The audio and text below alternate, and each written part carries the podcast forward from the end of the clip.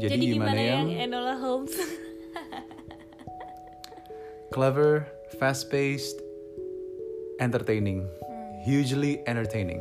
Hmm. Itu bukan opini aku tapi opini salah satu reviewernya. Tapi aku setuju dengan tiga poin itu. Openingnya aku ingat pas kamu nonton udah nge-grab banget film Enola Holmes yang ada di Netflix. Dan yang aku amaze adalah Millie Bobby Brown yang sebelumnya kita kenal sebagai apa di Stranger Things? 11, Eleven. 12, 13. Dia di umur 16 tahun udah bisa nge-produce film. Yang bikin gue bertanya-tanya 16 tahun gue ngapain aja ya? 16 tahun gue baru menentukan course hidup gue Kalau gue pengen jadi musisi dan pengen dapet duit dari musik. Dan alhamdulillah sampai saat ini masih tetap terlaksana. Tapi Enola Holmes bikin film, nge-produce. Nge-produce Dian Sastrowardoyo Ini bukan yang maksudnya membanding-bandingkan ya Tapi kita bisa belajar betapa pentingnya waktu untuk digunakan sebaik-baiknya untuk lo berkarya gitu kan. Dian Sastro baru sekarang-sekarang ini dia nge-produce yang film tahun ini rilis juga kan Guru-Guru Gokil ya. Itu baru film pertama dia Tapi yang dia produce. Kembali lagi kita harus ingat yang namanya waktu itu berbeda tiap orang. Iya betul. Gak bisa balapan. This is not a race. Yes. You're not in a competition gitu ya. Yes. Dia terlahir di Amerika sana. Mm-hmm. Dia, dia artis mana sih? Dia British deh kayaknya. Dan dia pokoknya intinya dia di luar sana either she's European atau dia American. English, English. actress ya. Hmm. But anyways, dia punya kesempatan itu gitu. Apalagi dia lahir dari uh, situasi yang mendukung. Nah, kan nggak semua orang menggunakan kesempatan itu yang Iya iya. itu Kalau. Millie tuh abis Stranger Things dia langsung tek gue pengen bikin lagi sesuatu. Dia kelahiran 2004 kan. Hmm. Nah, aku lihat anak-anak 2000 ke atas tuh ya ya setiap generasi terbagi dalam dua tipe sih. Ada yang memang ce- cekatan mengambil kesempatan, ada yang laid back dulu, tapi ada aja gitu hasilnya nanti. Tapi gokil sih. Terus yang menarik juga sebelum nonton Enola Holmes tuh aku sempet dengerin podcastnya Henry Cavill yang memerankan Sherlock Holmes di situ. Yang kata kamu kurang ya Sherlocknya ya. Mm-mm. Karena udah Sherlocknya terlalu menye, nah karena gitu. karena ini bukan Sherlock doang. Ada Mycroft-nya. Nah iya Nanti terus kita bakal ke sana sih. Iya, tapi aku jadi kayak wondering gitu ya. All Mycroft tuh kakaknya Sherlock iya. by the way. All these times we saw Sherlock as a obnoxious and snob detective gitu. mm-mm. Tapi ternyata Mm-mm. kakaknya tuh lebih obnoxious Bener. and snob gitu. Jadi kayak sehingga seorang Sherlock bisa terlihat sangat damai dan tenang. Iya. Saking kakaknya segitunya gitu. Kayak gue ngerasa, wow, berarti selama ini ibaratnya ya, selama ini film-film Sherlock yang lain, yang siapa Cumberbatch, Iya, Benedict sama si uh, sama Iron Man. iya Robert Downey Robert Downey. Jr. gitu ya itu tuh gue nggak kebayang gitu Mycroft tuh seribu kali lebih sarkastik daripada Sherlock Iya benar. Sebenarnya itu udah dipotret sama filmnya Benedict Cumberbatch di Sherlock itu. Dia dia juga ada Mycroft-nya, gendut dan memang lebih sarkastik, lebih parah lah dari Sherlock visualnya. Dan aku bisa aku punya perdebatan tentang itu yaitu tadi aku baru baca Easter egg-nya si Enola Holmes ini. Ternyata ini tuh baru di awal karirnya Sherlock Holmes yang oh that's why mm, di 1884 tahunnya Hmm. gitu. Jadi dia baru ibaratnya misterius yang detektif lah. Uh, Mm-mm. Masih wise-wise-nya belum ketemu si Dr. Watson-nya. masih uh, merintis ya ibaratnya ya kalau di Indonesia mah Masih merintis dan di sini castnya tuh menarik karena Sam Claflin kan jadi si Mycroft, terus Henry Cavill jadi Sherlock, terus Enola Holmes jadi adiknya mereka kan.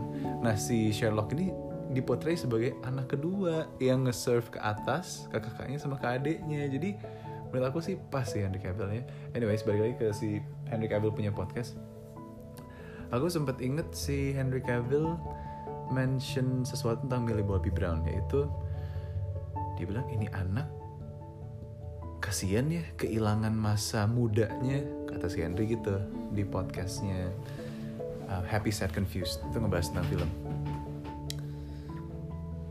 ini anak kasihan ya kehilangan masa mudanya karena di umur ya dia kelahiran tahun 2004 berarti umur 16 lo udah sibuk di dunia film ngurusin film lo bahkan nge-produce sendiri. Tapi ternyata pas ngobrol sama Millie Bobby itu kan first first prejudice ya dia kan sebelum ketemu.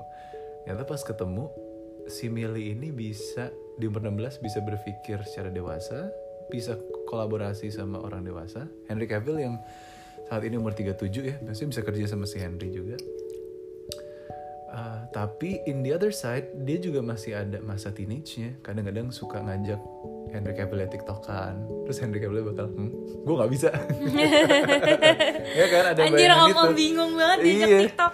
iya kan itu sih menarik sih Iya. Em, kalau aku first impression of the movie Mm-mm. itu adalah em, ini enak sudut pandangnya sudut pandangnya kita bisa dapat sudut pandang orang ketiga dan sudut pandang eh, dan habis itu ngobrol sama eh, Enola Iya. ya kan this kind of reminds me of the Ancestors movie juga yaitu Yes, Aruna dan Lidahnya. gitu ini format yang menurut aku jarang digunakan di film-film kebanyakan Mm-mm. jadi ketika ada sesuatu ini bu ini ibaratnya ini bukan format baru lah gitu Iya. ya. Tapi ketika ada seorang yang menggunakan dan she nailed it, menurut aku itu tuh kayak anjir keren sih gitu. Soalnya lo bayangin lo lagi serius in some scene gitu ya. Lo lagi kecekek, lo lagi apa, tiba-tiba dia ngomong. Iya. Terus habis itu balik lagi ke ekspresi itu gitu. Hmm. Jadi um, buat aku itu butuh kelihayan dari aktrisnya juga untuk masuk dan keluar dari peran. Mm-mm. setuju aku. Ya kan? Kayak ngantuk. Iya. Nguap nguap iya itu aku setuju. Mm-mm. di openingnya si Enolanya ngomong ke kita terus ngomong ke uh, diri sendiri gitu ya. Hmm. kayak seolah-olah kita adalah bagian dari film itu. Seolah-olah kita tuh ngikutin perjalanannya dia gitu. Dan iya dan dia sambil approach- sepedahan gitu kan? Iya dan ini Up adalah approach yang membuat um, kita penonton merasa attached dan merasa dekat merasa hangat. Mm, mm, mm. karena dia uh, ambilnya close ke Enola dekat Mm, mm, mm, terus si Enolanya ngomong baru ngejauh lagi gitu. Mm, mm. wah wah wah gue dapet telepon. Iya Ya. itu aku setuju makanya fast paced uh, Tuna lagi ngangkat Ini- telepon. Ini aku suruh para ke bawah ya pak? Oh ya terima kasih. Oh ya oke terima kasih. Sorry guys. Balik lagi talk to you lagi. Oke, uh, aku pengen bahas tentang nama Enolanya itu. Aku suka banget setiap wordplay. Jadi Enola itu adalah kalau dibalik alone adalah Enola. Dan itu semua tercipta karena ibunya yang luar biasa eksentrik ya, diperankan oleh Helena Bonham Carter. Itu pas banget dia yang meranin mantan istrinya Johnny Depp. Uh, untung bukan Johnny Depp yang memerankan si Mycroft ya. Enggak, Johnny Depp punya tendensi untuk selalu steal the show, iya. Iya kan? iya Kalau tapi kan itu maksudnya Johnny biasanya Depp. kalau ada si mantan istrinya Johnny Depp Mm-mm. pasti di Johnny Depp di situ Oh, most iya. likely to be Karena waktu itu masih couple dan biasanya yang dipegang Oh, sama Tim gitu. Burton kan sekarang udah udah pisah. Oh, itu tuh semua syutingnya sebelum pisah. Bukannya udah pisah ya? Udah pisah cuman mungkin direkturnya Tim Burton kan. Iya. Tim Burton tetap pengen pakai mereka. Iya. Gila itu apa rasanya? Coba ya. You're still the ultimate uh, characters in the movies gitu. Ya kalau kata film Once Upon a Time in Hollywood kan lihat deh orang-orang itu ini udah pernah nikah sama ini, ini udah pernah nikah sama produsernya, ini udah pernah nikah sama direkturnya, ini main sama siapa? Iya Itulah Hollywood. Um, iya, wordplay Enola itu harus selalu ada di setiap film detektif sih, misteri itu. A bit of a detail yang orang tuh nggak nyadar, tapi pinter gitu. Enola terus kayak bunga chrysanthemumnya yang yang ibunya tinggalkan dan ternyata di di, di bawah vas bunga kristan chrysanthemum itu ada sesuatu buat Enola mencari ibunya. Kan ibunya ngilang kan? Hmm. ya so far is a feel good movie yang tadinya awalnya gue kira anjir dua jam nih kita juga nontonnya malam banget kan bakal tidur sini. Tapi dengan opening yang strong terus storytelling yang luar biasa Iya Millie Bobby Brown kalau goalnya dia pengen lepas dari Stranger Things 11 for a bit sebelum ada Stranger Things lagi dia udah jadi Enola Holmes Really? iya kalau buat aku sih Oh ya? iya Tapi dia baru belajar all her poise and everything tuh sekarang sekarang ini gak sih? Ih, tapi langsung jadi Oh iya. iya. megang gitu Iya. ketahuan dia passionate untuk membuat film ini kerasa ya nah sebenarnya yang pengen aku tanyain adalah ini masuk ke personal story aja apakah kamu termasuk orang yang kehilangan masa-masa kecil kamu Widih, langsung, Langsung mikir. mikir. Karena kan Millie Bobby Brown di umur 16 tuh Oke, kita tentuin dulu masa kecil dari umur berapa sampai berapa? 1 sampai 15 Seperti bahasan kita di episode Childhood Podcast tentang nada Kehilangan masa kecil. Mm-mm. Menurut kamu kamu merasa seperti itu nggak? Karena Enola pun menurutku kan dia nggak dia nggak kehilangan masa kecil, justru dia fulfilled masa kecilnya sama ibunya terus di homeschooling. Dia beneran kayak namanya Enola di balik alone dia nggak punya teman, teman satu-satunya cuma ibunya dan servant maid-nya. Menurut aku dia live life to the fullest sampai akhirnya dia jadi ketu kecil tua. Jadi agak snob ketika ketemu sama dipertemukan oleh Mycroft sama ke- kepala sekolah yang cewek. Oke. Nah, kan dia jadi smart headed kan. Hmm. She has her own way to live her life based on the teachings of her mother. Thank you sayang, kamu sudah menggambarkan masa kecil aku. Nah, kan berarti kan ada every good story Ah, must have a relation to other human being. iya iya, tapi maksud aku Karena aku alien jadi nggak relate.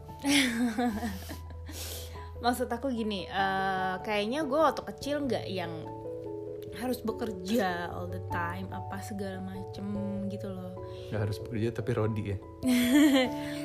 Maksudnya ya udah kerjaan gue ya sekolah, eh, main pada umumnya walaupun um, I, I gotta say compared to my friends, my um, apa teman-teman sepantaran gue, Mm-mm. eh, orang tua gue tuh cukup strict ke gue. Hmm. Jadi kayak teman-teman gue mungkin kayak bisa SD nih, SD eh, umur berapa tuh? Umur SD katakan umur Enggak, eh, lima. SD gue tuh baru pegang handphone tuh SD kelas 6 Di mana teman-teman sekolah gue itu udah megang HP tuh dari kelas 4 Oh kelas 3 Terus? Tuh ya kan, kayak Eda juga kelas 3 8250 Nokia. Gue HP pertama 7310 kalau nggak salah Oke Nokia. balik ke topik. Iya. Nanti ngebahas tentang HP pertama lo. Ah, terus kayak teman-teman gue tuh bisa yang kayak kalau misalnya sore eh main yuk ke rumahnya dia gitu. Iya. Terus gue main-main seru seru seru seru. Nah kalau gue tuh nggak bisa. Gue tuh harus kayak izin dari seminggu sebelumnya. Anja iya izin dari Seminggu seminggu sebelumnya. kayak papa em, sebut sebut sebut sebut dulu gitu kayak harinya mau main di tempatnya ini. Oke terus kita main. Terus nanti itu juga kayak gue jam 6 tuh udah harus di rumah. Sebelum maghrib sebelum azan maghrib berkumandang itu gue udah harus di rumah. Em, suatu hari pernah kejadian gue belum dijemput Mm-mm. sa- eh, sama supir belum karena nggak nggak boleh pulang sendiri waktu itu nggak ngerti. Parah banget kan itu misalnya lu udah kelas 5 kelas 6 lu belum bisa. Misalnya bisa pulang sendiri cuman nyokap gue tuh kayak parnoan gitu kalau gue pulang sendiri. Terus akhirnya ya udah nih em, ini kan apa nungguin supir waktu itu. Supir baru nyampe pokoknya kita baru nyampe rumah tuh jam 8 aku nangis nangis ngejar ke papa kayak minta maaf sampai kayak maaf papa aku pulang terlambat gitu. Sedangkan bokap gue tahu gitu gue pulang terlambat karena nungguin supir. Iya padahal bukan salah kamu juga. Bukan salah gue juga tapi at that moment gue feel the guilt gitu. Dan menurut aku itu yang jadi patokan aku kenapa gue bisa bilang bapak gue tuh strict banget gitu. Sampai even there's nothing wrong with that I apologize gitu. Itu tuh kejadian semua SD teman-teman gue pergi nonton. Aku tuh belum boleh sampai akhirnya suatu hari boleh itu tuh kayak aku harus pulang dulu ke rumah mandi Mm-mm. rapih ganti baju pakai tas cantik gitu yang kayak didandanin sama nyokap nyokap terus kayak nyokap gua nganterin Kayak terus prom. nungguin iya benar benar Kalau di film Hollywood parah terus aku yang foto kayak dulu sebelum Ah. keluar rumah. kayak kalau aku pikir-pikir halo gitu gue maksudnya orang tua gue tuh segitu striknya ya sampai gue tuh untuk pergi nonton aja mungkin ini. Sampai dulu kayaknya waktu SMP tiap kali teman-teman aku mau ngajakin pergi aku tuh bilang bikin proposal dulu gitu sama bapak bapak gue. Aku gituin Hmm, karena ya bahkan aku juga digituin kan. iya itu udah jadi habit aku from young age gitu. Karena ya lo 1 sampai 15 itu kan berarti the whole sekolah aku kan. Iya. aku kan lulus SMA umur 16 nih pas banget gitu. Jadi aku dari kecil sampai SMA tuh living my life nggak to the fullest sih tapi with rules aku udah tak udah punya boundaries in life gitu Apa waktu itu film pertamanya inget ya? Eh, ini film horor film tusuk jelangkung Wow, sama aku pun pertama film horor. Oke. itu makanya gue cinta banget sama film horor karena mungkin under my Iya. um, Subconscious. subconscious itu tuh brings freedom to me gitu Iya. loh. Kayak gue tiap kali gue pergi Film eh pertama. film horor Hmm. gitu. Walaupun sebenarnya sebelum sebelumnya aku juga pernah nonton film gitu. Cuman film yang aku tonton ya pasti kayak sama keluarga gitu. Iya, iya. yang sama teman pertama Iya. tuh itu tusuk jelangkung Iya, itu lo party pernah gak movie sih? banget iya lo pernah gak sih lo dibully gara-gara lo nggak punya handphone? Itu tuh tidak happen gitu. Nope, aku nggak pernah. ya lo punya handphone umur kelas 3 SD Sultan kayu putih, oke deh mantap Sultan Sultan Pelomas. dan itu bahkan HP gue aja itu bekas kakak gue Mm-mm. Ya karena kamu anak ketiga kan. ketiga gitu aduh tapi ya I appreciate his rules Iya itu menunjukkan kalau papa galak banget kan. Yoi. Lihat dari cerita itu tuh lo udah Hmm. bisa mengambil kesimpulan gitu. bapak gue tuh Betapa galaknya dan betapa Mome juga strict membantu mensupport papa untuk menjaga anaknya. oh suatu hari kita pulang dari Dharma Wisata. Mm-mm. turun bus nggak ada yang jemput nih. Oke terus ide lah. Mau jalan gitu jalan kaki. Cukup cukup cukup cukup Jalan kaki ke mana? jadi jalan kaki tadinya mau cari telepon umum. Mm-mm. tapi saudara yang satu nggak mikir oh mau jalan kali ya? Jalan di jalan dulu duluan lama-lama kita semua tuh jalan kaki ke arah rumah. Kita bertiga nih aku Twindy sama Mbak Alin. Berarti kan masih satu SD kan? Iya. Jalan kaki terus di perjalanan kita baru sadar kayak ini siapa sih yang mengusulkan untuk jalan kaki from the very first time gitu nggak ada kita pikir mau ke mana gitu jadi kita assumption semua Aduh. alhasil kita jalan kaki itu lumayan jauh terus ternyata tiba-tiba mobil mama merepet Mm-mm. you know what happened mak gue keluar mobil nangis-nangis dikira anaknya diculik Ya ampun. nangis-nangis Loh kan kalian bertiga doang. Diculik Iya. siapa? kayak lu bayangin ya ini dari sisi mama ya. Mm. Mama be like, ah jemput anak gue ah baru pulang dari Dharma Wisata gitu kan. Pas nyampe, aduh sekolahnya udah sepi Tanya guru, mana Arlin, mana Twindy, mana Twindy Hah nggak ada. Hah? Oh, ke mana? gitu. Ngerti ngerti ngerti ngerti ngerti. Iya iya iya. Itu nyokap gue Ke- panik banget Mama itu itu eh, Twinda Inci sama Inca pergi ke alternate Twinda, Inci, sama Inca heeh.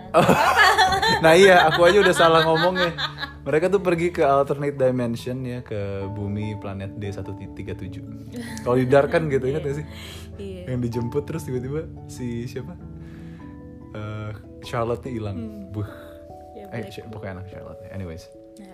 Nah, berarti pertanyaannya adalah apakah kamu kehilangan masa kecil kamu? atau Tidak. Hmm, Tidak, tidak kehilangan Karena dijagain ya. Iya, at that time tuh w- um, despite that I was so ungrateful during my young ye- young age gitu ya. Tapi looking back aku merasa oh kalau nyokap bokap gue nggak gitu, gue nggak akan nggak akan punya aturan kayak sekarang gitu. Ibaratnya um, it was necessary lah mereka kayak begitu Be- sifat mereka keluar seperti itu. Karena aku pernah nanya juga kan sama papa papa "Eh, aku belum pernah clubbing. Ini di suatu um, restoran namanya Peko Peko dulu di Radio Dalam sekarang udah nggak ada restorannya. Umur berapa tuh? Um, SMA SMA kelas 1 apa kelas 2 gitu. Iya. itu yang namanya gue baru belajar nyetir 16, ibaratnya. 17, enggak aku SMA 14 Eh 14. Eh, aku masih lagi belajar nyetir. Kayaknya waktu itu aku udah bisa nyetir tapi belum punya SIM. It happened ya. Nah terus eh, suatu hari papa minta dianterin ke radio dalam kita makan. Terus akhirnya gue curhat sama bapak gue pak aku belum pernah clubbing Eh, soalnya waktu itu trennya di keluarga eh di sekolah gue. Anak kelas 1 SMA tuh semua udah pada pergi, pergi clubbing Mhm. karena ada satu nih yang bisa open table atau apalah gue nggak Iya. ngerti kan bahasanya dia tuh gimana. Pokoknya hype-nya tuh tiap kali weekend hari Seninnya tuh pasti ngomongin tentang clubbing kemarin. Dia ngapain? Uh maboknya gini maboknya gitu. Terus gue kayak ngerasa kayak eh gue nggak ikut Hmm. gitu. Ya sorry. SMA tuh curfew gue jam 8 malam gue udah harus ada di rumah. Kecuali gue nunggu dijemput ya boleh jam 10 tapi di bawah Oh naik 2 jam. Ha-ha, naik 2 jam betul. Dari SD di bawah SMA. jam 10 eh sorry SMA 10 jam 10 Hmm. SMP jam 8 Oke. gitu. Naik 2 jam 2 jam. naik 2 jam 2 jam. Terus kayak eh, papa tuh ngelihat gue gitu pak gue belum pernah clubbing. Ngapain sih orang clubbing tuh mereka ngapain? Hmm. gitu terus bokap gue akhirnya bilang ya seru gitu ada yang mabok gitu. Terus apa Cerita, cerita. dengerin dengerin musik di depan speaker gitu. Terus gue yang kayak ah gapus eh sorry ini kuliah deng. Ini kuliah. Mm-mm. gue udah bisa bawa mobil. Ini kuliah. Jadi gue merasa left, Left out, out, Nah, eh, ini gue merasa left out. Ini gue harusnya udah pernah clubbing belum sih gitu dan kayaknya umur udah cukup ya 17 18 tuh udah buat masuk Ini pas kuliah, tapi mau clubbing juga sama teman kuliah nggak mungkin kan? Pasti teman-teman SMA nggak sih? Ah, nggak ngerti juga ya Hmm, iya ya. intinya gue nggak Ya, tahu mau aja. iya Terus? intinya gue telat dan gue kayak merasa ini gue FOMO nggak sih gitu Hmm. gue gue melewati apakah gue tidak me- tidak menjalani hidup muda gue Iya. gitu terus bokap gue menjelaskan apa sih yang ada di dalam ruang clubbing itu gitu. Bagus banget papa. Iya. Nanti ada begini nanti ada begini nanti ada begini. Eh, rame orang joget Hmm. eh, terus ada musik kenceng. Terus dari cara papa mendeskripsikan gue kayak hmm kok gue tidak Tertarik. tertarik gitu. Terus gue bilang pah aku kan takut keramaian ya. Terus clubbing ada yang sepi terus gue kayak ya biasanya sih ram kalau lagi rame ya rame banget gitu. Terus gue nanya sampai desek-desekan. Ya lumayan gitu. Terus gue kayak ah enggak ah. Aku aja tadi ke pasar Parung. Eh Parung atau apa sih? Pokoknya yang di ra- radio dalam sana lah gitu. Aku aja tadi ke pasar itu aku udah nggak kuat banget pak. Aku pusing aku mau muntah karena banyak orang. Terus bapak gue kayak ngerasa nih anak gue idiot apa gimana ya bapak gue bilang ya beda lah orang yang ke pasar sama orang yang clubbing Gile. Perumpamaannya itu loh. ya waktu itu gue nggak ngerti kan karena bokap gue cuma bilang itu kumpul banyak rame Mm-mm. di in my mind itu desek-desekan banget yang lo nggak bisa ngapa-ngapain gitu ya sorry kebanyakan nonton film Hollywood kayaknya jadi akhirnya aku memutuskan waktu itu aku bilang sama papa eh papa ngomong gini kamu mau yuk papa temenin Hmm. coba Benar benar. Heeh. tapi di situ gue mikirnya "Eh, nggak usah deh pak. Aku kayaknya belum pengen ke arah sana gitu. Akhirnya mindset itu yang kebawa sampai sekarang gitu. Jadi kayak gue mau minum juga gue takut mabok. Maksudnya takut maboknya cupu. Ada gak sih mabok keren gitu? Tapi intinya gue takut mabok cupu. Yang ngerepotin orang muntah glendot glendot gitu gue takut. Terus em, keramaian gue juga agak nggak seneng gitu. Jadi gue nggak tahu. Sekarang nih baru banget aku mikir sampai aku curhat sama Kasyanas gitu ya. Hmm. gue tuh ketu kak. Gue tuh kayak gue udah hidup dengan semua aturan yang udah gue bikin. Sekarang gue jadi kayak ngerasa eh nanti umur 30 gue nggak bisa loh kayak gini lagi. Hmm. eh nanti umur 40 gue nggak bisa loh kayak gini lagi. Sesimpel ya gue pakai kutek warna-warni aja jarang banget yang maksudnya kayak yang art yang aneh-aneh gambar yang aneh-aneh gitu. Mm-mm.